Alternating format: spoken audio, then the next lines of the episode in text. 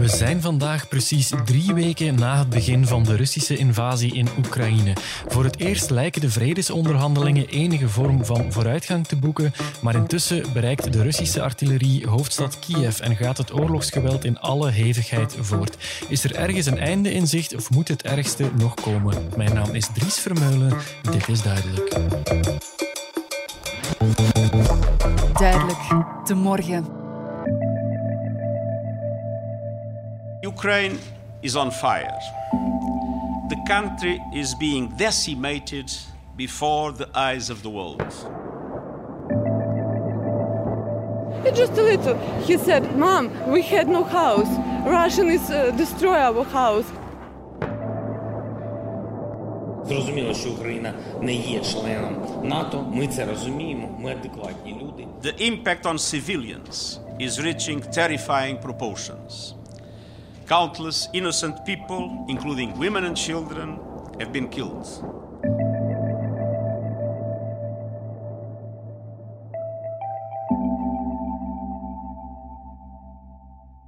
Onze gast deze week is David Kriekemans, professor internationale politiek aan de Universiteit Antwerpen. Dag professor.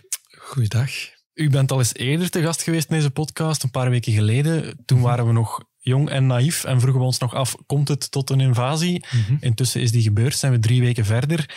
In het begin leek die invasie trager te verlopen dan de Russen misschien gehoopt hadden. Intussen is, is het geweld verhevigd. In welke fase van de oorlog bevinden we ons nu? Ja, we zitten in een fase van verharding natuurlijk. Hè. Als je kijkt naar uh, wat er de afgelopen weken allemaal gebeurd is, dan besef je dat de Russen een dynamisch plan hadden. En eigenlijk plan A was u, u, gaat een beetje militaire uh, druk uitoefenen. U hoopt dat die regering in uh, Kiev dat die eigenlijk zwak is, want ondertussen weten we ook uh, van een publicatie van het Ruzi, dat is zo'n een denktank in Moskou, dat mm -hmm. er de FSB bepaalde analyses had gemaakt. En uit die analyse zou voortkomen dat, uh, ja, dat die bevolking in Kiev dat die eigenlijk alleen het leger steunt en niet zozeer de politiek. Dus moest enkel het leger wat aangepakt worden en de politiek zou wel, zou wel snel, Zelensky zou snel uh, zijn regering in elkaar storten. Ja. En dat is natuurlijk een enorme misrekening geweest. Ja, dat is duidelijk. Hè? Uh, het probleem is wel dat, want alles is actie, reactie en voortdurend actie, reactie. Uh, dat, uh, ja, er, zijn, er is natuurlijk een, een westerse reactie op gekomen. En de grote verbazing was dat Poetin uiteindelijk het maximale scenario gekozen heeft. Mm -hmm. Daar waar wij analisten uh, toch een aantal dagen voor die inval dachten van ja, dat wordt een Donetsk-Lugansk scenario. Waarschijnlijk gaat hij er nog een veiligheidszone bij nemen. En dan heeft hij weer genoeg hefbomen om uh, Oekraïne te blijven destabiliseren. Maar plots koos hij voor het maximale scenario. En dan de westerse reactie is denk ik een erg emotionele reactie geweest. Heel begrijpelijk ook. Hè? En, en verbouwereerd van hoe kan dat nu? En dan heb je het weekend nadien waarin we van gewoon een boycott van het Eurosongfestival geëindigd zijn in de meest maximale sancties op een week tijd hè, ja. die de geschiedenis kent. En dat heeft helaas, denk ik, uh, tot een verharding geleid van de Russische positie. Want als natuurlijk Rusland zelfs niet meer aan haar buitenlandse reserves meer kan komen, dat was 650 miljard, ze hebben maar iets van een toegang tot een 300 miljard dollar van reserves, ja, dan geldt enkel nog de vlucht vooruit en de hoop dat je op het terrein de situatie kan wijzigen. Uh, om op die manier een nieuwe situatie te creëren. Maar, maar dat is dus een beetje waar we nu in zitten. Ja, um, er zijn al onderhandelingspogingen geweest, verschillende gesprekken al. In het begin verliepen die, zoals verwacht, heel stroef. Nu recent heeft uh, Zelensky, de president van Oekraïne, gezegd we weten intussen dat Oekraïne niet zal kunnen toetreden tot de NAVO, wat eerst wel de hoop was. Is dat een, een toegeving? Is, wil dat zeggen dat we misschien toch richting een vredesakkoord aan het gaan zijn? Wel, de positie van meneer Zelensky is natuurlijk erg precair. Hè? Dus uh, we zeggen allemaal wel, het gaat niet goed met die Russische opmars. Dat klopt ook wel. Mm -hmm. want het gaat niet goed met de supply lines. Het moraal van de troepen is niet zo goed. Men moet extra hulp gaan vragen. Misschien zelfs buitenlandse strijders. Maar toch gaat die traag maar gestaag voort. Um, heeft men de zwaardere middelen bovengehaald en is er nu een omsingeling bezig van Kiev die men waarschijnlijk militair nog niet helemaal kan realiseren, maar de tijd dringt wel. En als we dan inderdaad naar die onderhandelingspositie gaan kijken, ja, ik had deze ochtend nog een kort uh, ja, gesprek, zullen we dat maar zeggen. Het was wel over WhatsApp, maar goed. Uh, met een militair. En we komen toch wel iedere keer toch wel terug op iets wat ook een aantal andere diplomaten mij hebben gezegd. Uh, namelijk, we hebben misschien Oekraïne dingen beloofd die we nog niet helemaal konden waarmaken op dit moment. En dan gaat het over het NAVO-lidmaatschap of zelfs ook het EU-lidmaatschap. Ja, want ook daarvan werd zelfs gezegd, ik geloof door, uh, door von der Leyen, Europees Commissievoorzitter, we gaan dat versneld kunnen doorvoeren. Ja, maar uh, laatste keer als ik gekeken heb, is het EU-lidmaatschap iets van een 100.000 bladzijden aan wetgeving. Ja, dat gaat Technische niet zo meteen, standaarden, uh, daar doe je 10, 15 jaar over om die te implementeren op het terrein. En dan kan je lid worden van de Europese Unie. Voor de NAVO geldt ongeveer hetzelfde, namelijk je hebt bepaalde militaire standaarden, interoperabiliteit, dus je moet in staat zijn om met die NAVO-legers samen te werken, investeringen technologisch, technisch, trainingen. Ook dat doe je niet op een aantal jaren. Het proces was al wel begonnen. Uh, maar ja, uh, dus dat, dat zijn eigenlijk dingen die, die niet zo realistisch waren. Mm -hmm. Dus men heeft daar toch in de Oekraïnse politiek naar de eigen publieke opinie dingen verkondigd die ook niet zo realistisch waren, waardoor dat men een nogal eenzijdig beeld heeft gekregen. En ik denk dus dat we die uitspraken van meneer Zelensky in die zin moeten zien, namelijk dat hij zijn eigen publieke opinie aan het voorbereiden is, dat dat op dit moment uh, nog geen haalbare kaart is en dat er dus naar andere pistes zal, zal moeten gezocht worden. Ja, um, Zelensky zei ook dat de eisen van Rusland aan de onderhandelingstafel dat die intussen realistischer geworden zijn.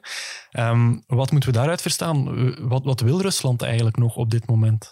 Ja, dat is uh, natuurlijk interessant als we dat nu eens wisten, wat meneer ja. Poetin wil, want zijn doelen die zijn, uh, die schuiven blijkbaar.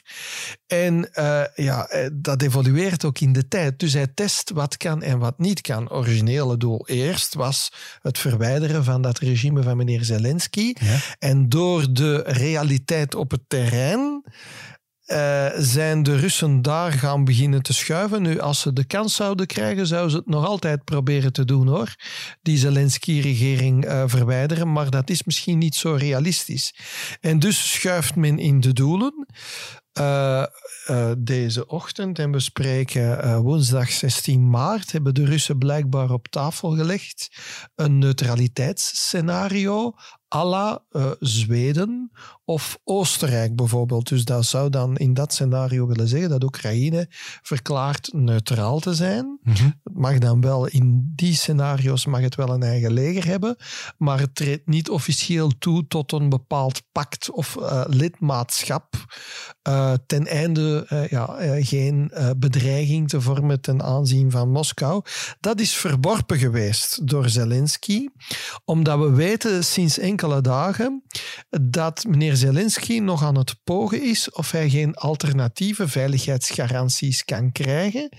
En we weten uit goede bron dat hij bij de Britten is aan het hengelen mm-hmm. of de Britten geen uh, bilaterale veiligheidsgarantie zou willen geven. Mm-hmm. Acht u het realistisch dat er op de korte termijn uit die onderhandelingen tussen Oekraïne en Rusland iets uit de bus komt? Dat er een, een akkoord komt waardoor de gevechten kunnen stoppen? Wel, ik zie wel de posities schuiven. Dus ik denk dat het nu stilaan aan de Russische federatie is om toch ook iets te bieden. Ja. ze hebben iets gebo maar ja, geboden. Hè. Ze, ze, met andere woorden, ze erkennen voorlopig de regering van meneer Zelensky. Oké. Okay. Zelensky heeft gezegd uh, NAVO-lidmaatschap, wat we net behandeld hebben. Ja, dan stelt zich de vraag... Uh, uh, wat zal er gebeuren met uh, de Krim en met Donetsk, Lugansk. Mm -hmm. En natuurlijk denk ik dat we nu omgekeerd van onze zijde, ja, we mogen dan wel die opening creëren voor de Russische Federatie. Maar nu denk ik dat het voor ons wijzigt dat we natuurlijk nu ook moeten opletten dat de uitkomst van die onderhandeling, dat dat niet de territoriale honger van Rusland zou aanwakkeren of dat men in Moskou tot de conclusie komt van hé, hey, eigenlijk achteraf gezien het heeft gewerkt. Misschien moeten we dat nog eens ergens ooit proberen. Dus vandaar wellicht ook de, het feit dat er zo enorme uh, sancties zijn langs de westerse zijde. De kost moet hoog genoeg zijn voor de Russische federatie. De vraag is, als er nu een akkoord komt, wanneer en hoe bouw je dat sanctieregime af? Misschien bouw je dat niet volledig af. Mm -hmm. In die zin dat men ze conditioneel moet maken uh, met betrekking tot de situatie op het terrein.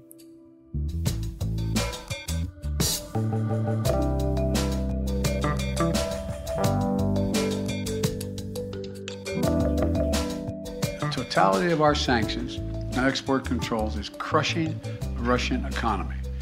Ruble has lost more than half its value. They tell me it takes about 200 rubles to equal $1 these days.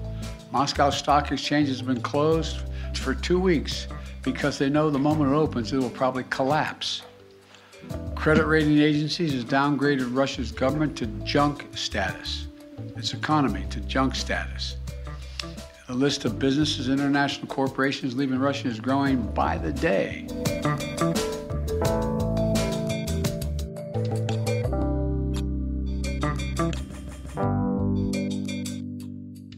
Ja, professor, u had het zelf daarnet al over die sancties. We hoorden hier de Amerikaanse president Joe Biden zeggen de roebel is gehalveerd in waarde. Bedrijven trekken weg uit Rusland. De Russische economie is, heeft een junk-status gekregen, is niks meer waard. Kan Poetin deze oorlog wel blijven betalen? Ja, dat is inderdaad de vraag. En dan moeten we ons ook de vraag stellen, want met elke uh, stap die er gezet wordt, ook langs de westerse zijde, zijn er altijd bepaalde onbedoelde neveneffecten. Mm -hmm. Een calculatie, zoals ik eerder al zei, van Poetin zou kunnen zijn dat hij de vlucht vooruit moet nemen. Ja. Maar daar zit ook nog bij, en dan komen de potentiële alliantiepartners natuurlijk in het vizier. Poetin zou wel kunnen overleven, afhankelijk van de positie die de Chinese Volksrepubliek neemt. En die is een beetje dubbelzinnig in dit verhaal. Die houden zich wat op de vlakte tot nu toe. Ja, China houdt zich op de vlakte. Um, langs de ene zijde hebben ze een signaal uitgezonden. Ze hebben zich uh, onthouden in de VN-veiligheidsraad. Ze hebben de projecten van de Asian Infrastructure and Investment Bank in Wit-Rusland en in Rusland on hold gezet. Mm -hmm. Maar langs de andere zijde laten ze Rusland ook niet volledig in de steek. En er is nu ondubbel, ja, een beetje dubbelzinnigheid en we weten het niet goed. En natuurlijk, ja, als u China bent, dan wacht u, net zoals eh, China gewacht heeft tijdens de Krimcrisis, 15 maart trouwens, exact acht jaar geleden, ja. 15 maart uh, 2014. In mei 2014 hebben de Chinezen van de Russische zwakte gebruik gemaakt om een nieuwe aardgasdeal te maken. Dus u zou kunnen zeggen, China gaat nog even wachten tot de nood zeer hoog is bij Rusland en dan krijgt ze een stevige discount op het vlak van olie en gas. En hetzelfde is bezig met India, meneer Modi. En je hoort daar, ik hoor dat zelfs bij uh, mijn collega's uit India, en iemand had uh, mij een klein berichtje gestuurd. Die zei vanuit Indisch perspectief: Dit is niet onze oorlog. Onze Indische bevolking, haar koopkracht is zeer beperkt. Als die olieprijzen de pan uitreizen, dan gaan, we, uh, dan gaan er sociale en politieke gevolgen zijn in India. Dus Modi kan niet anders dan ja, uh, proberen een bilaterale oliedeal te creëren. En men zou zelfs overwegen om een rupee-roebel uh, betalingssysteem te creëren. Dus natuurlijk, hier komen we weer bij de onbedoelde neveneffecten. Tweede grote onbedoeld neveneffect is dat dan eigenlijk de Eurasiatische partners van Rusland eigenlijk bijna tegen de rug, met hun rug tegen de muur staan en keuzes moeten maken. En niet noodzakelijk de keuze zullen maken die wij hopen dat ze zullen maken. Wil dat dan zeggen dat al die westerse sancties eigenlijk niet zo heel veel indruk maken op Poetin? Want hij heeft in Azië nog een hele gigantische markt om nieuwe deals mee te sluiten. Wel, um, Poetin, um, als hij de zaak bij elkaar kan houden politiek, ja. dan is hij denk ik bereid tot uh, grote kosten. En ik zou dat zelfs willen verbinden met, want enkele jaren geleden las je zo een aantal analyses over die Siloviki, die veiligheidsspecialisten rond Poetin. En daar zitten toch een paar rare figuren bij. En ook een aantal geopolitieke denkers dat je denkt van, tja, wat, wat schrijven die nu allemaal? Maar daaruit kwam ook dat in hun analyse Rusland te zwak aan het worden was. En zij eigenlijk moest herbalanceren in Eurasië.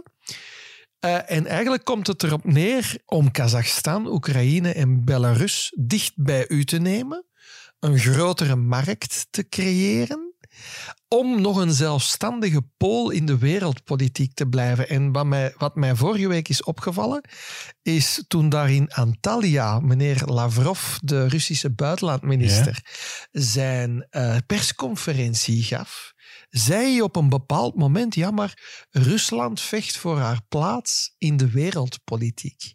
En dat refereert impliciet naar wat sommige van die Eurasiatische geopolitieke analisten hadden gezegd, namelijk Rusland, uh, ja, het gaat niet zo geweldig goed hè, met de economie, die is onvoldoende gediversifieerd, mm bevolking gaat achterop. Um, nu kan het nog om het geostrategische instrument te gebruiken om een soort van nieuwe plaats te bevechten, wat dan zou in hun visie, want het ver hoor, tot een soort van systeemcrisis zou leiden. En die systeemcrisis, economisch, zou leiden tot een herconfiguratie van Eurasië. En het wordt nog iets um, erger in die zin dat men zelfs denkt dat in die systeemcrisis uh, dat het Westen, uh, dat wij misschien die sancties niet gaan kunnen volhouden. Want dat zal natuurlijk ook de koopkracht van onze middenklasse uh, en dat was de actualiteit van deze week, uh, gaan uh, aantasten. Ja, inflatie, energie die onbetaalbaar wordt. En dat zou zich wel eens kunnen hervertalen bij ons, Ja. bij verkiezingen, naar een polarisering van het politieke landschap. Ja. Dus dan wordt het al bijna de, zo, de strijd tussen de autocratische Eurasiatische machten versus de Atlantische, West-Europa en Verenigde Staten, democratieën. Welk systeem is het meest performant, uh, zowel uh, maatschappelijk politiek als economisch?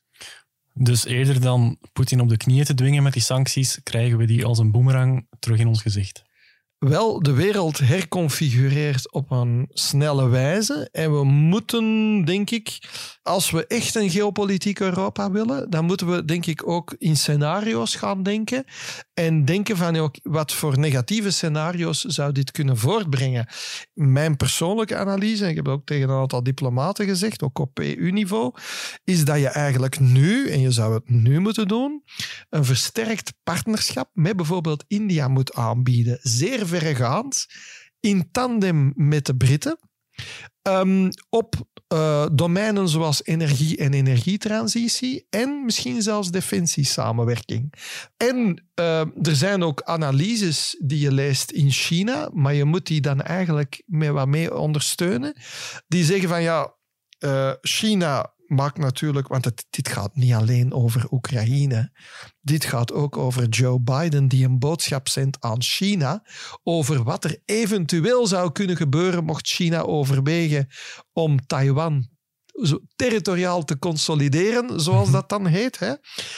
Um, dus China heeft nu een aantal notities genomen en vastgesteld ja. dat die kosten extreem hoog zouden kunnen zijn. Wel, misschien moet u China ook ergens iets aanbieden om ervoor te zorgen dat ze ja, wat in lijn kunnen vallen. En niet alleen dat u zegt van, of dat wij zeggen, u moet bemiddelen, maar dat China ook iets kan krijgen, een bepaalde plaats in het wereldsysteem. En dat zijn denk ik allemaal een aantal beleidsaanbevelingen die moeten verhinderen dat we, dat we straks in een wereld terechtkomen die we liever niet zien. Want dit zijn echt cruciale dagen. Die Oekraïne-crisis is, is verschrikkelijk, hè? ook op, het terrein. Maar het is meer dan die, dan die oorlog enkel in Oekraïne. Ja. Het is een systeemcrisis. En de beslissingen die we nu nemen, in termen van partnerschappen, wat je al dan niet aanbiedt, dat kan een beslissende rol eh, hebben over ja, in wat voor type wereldsysteem we uiteindelijk terechtkomen.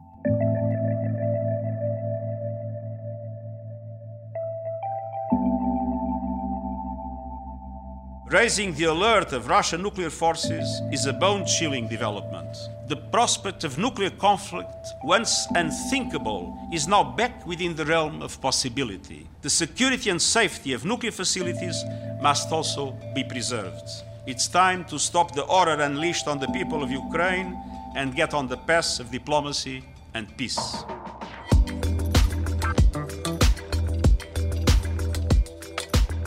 Ja, professor, we hoorden Antonio Guterres, de eh, secretaris-generaal van de VN, die zegt een kernoorlog is niet langer ondenkbaar. We hadden het daarnet over vredesonderhandelingen, maar is het ook nog steeds mogelijk dat deze oorlog verder escaleert? Ja, alles is mogelijk. Eh, in die zin is het een oorlog met enorm veel escalatiepotentieel. Hoezo? Escalatiepotentieel, daarmee bedoelen we natuurlijk dat er, eh, en u weet dat ik eh, altijd voorzichtig ben in het publiek domein daarover, ik noem het niet humanitaire hulp, maar laten we dan toch maar even zeggen bepaalde militaire middelen, hè, die eh, vanuit eh, Europa en de VS eh, daar naartoe gestuurd worden. Want dat wordt voortdurend herhaald in het publieke domein. Ik denk dat dat niet zo'n geweldig goed idee is om dat te doen. Maar goed, it's out in the open. Hè. We zagen al een aantal dagen geleden dat de Russen hebben aangegeven dat die, dat die aanvoerlijnen, dat dat voor hen legitieme doelwitten zijn. Dus vandaar dat er een militaire basis waar vro- vroeger ook NAVO-mensen op aanwezig geweest zijn, eh, dat die aangevallen is eh, door de Russen. En er moet maar iets verkeerd lopen. Ik zeg maar iets. Een ehm, Poolse gevechtspiloot die langsheen de Poolse grens vliegt en denkt dat hij op zijn radar ziet dat er een raket naar hem gestuurd wordt Ja. en die de beslissing neemt om zichzelf te verdedigen, dat kan een cascade in gang zetten die we liever niet hebben. Hè? Die zelfs tot een nucleair conflict zou kunnen leiden? Ja, want eh, ja, we moeten dat toch benadrukken hoor. Eh, in de Russische militaire doctrine, eens men in zo'n conflict zit, wij voor ons in de militaire doctrine eh, zijn er bepaalde, enfin, bijvoorbeeld tactische nucleaire wapens gebruiken of chemische wapens bijvoorbeeld gebruiken. Hè. Dat is voor ons een gigantische escalatie.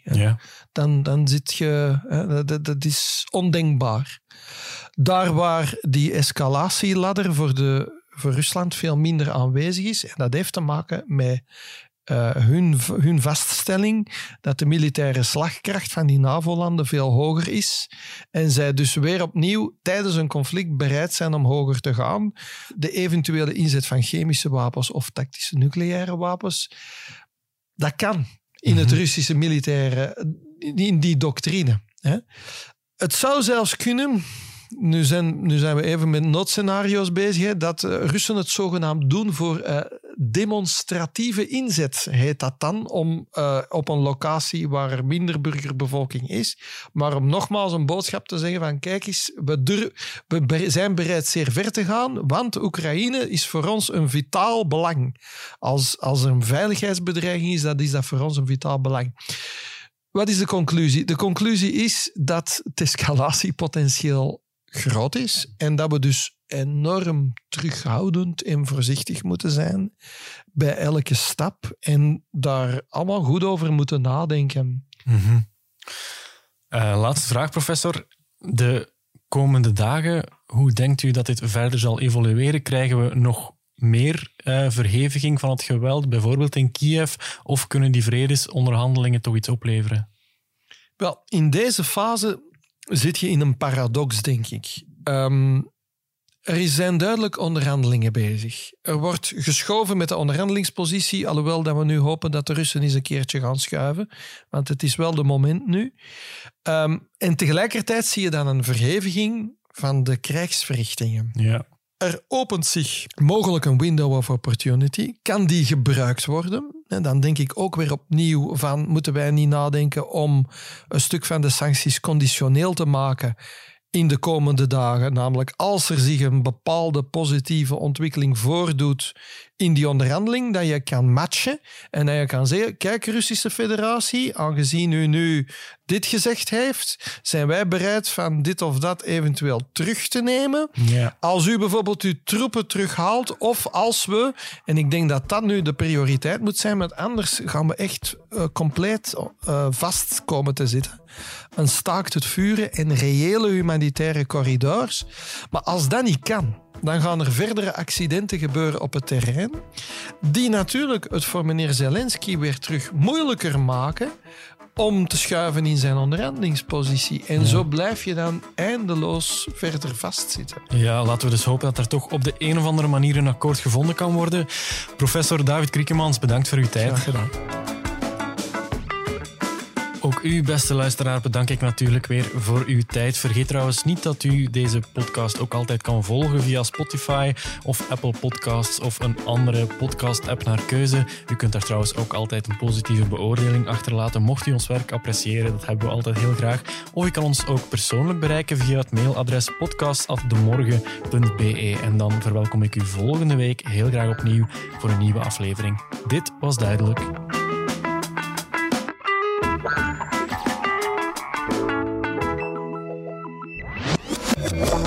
Duidelijk, de morgen.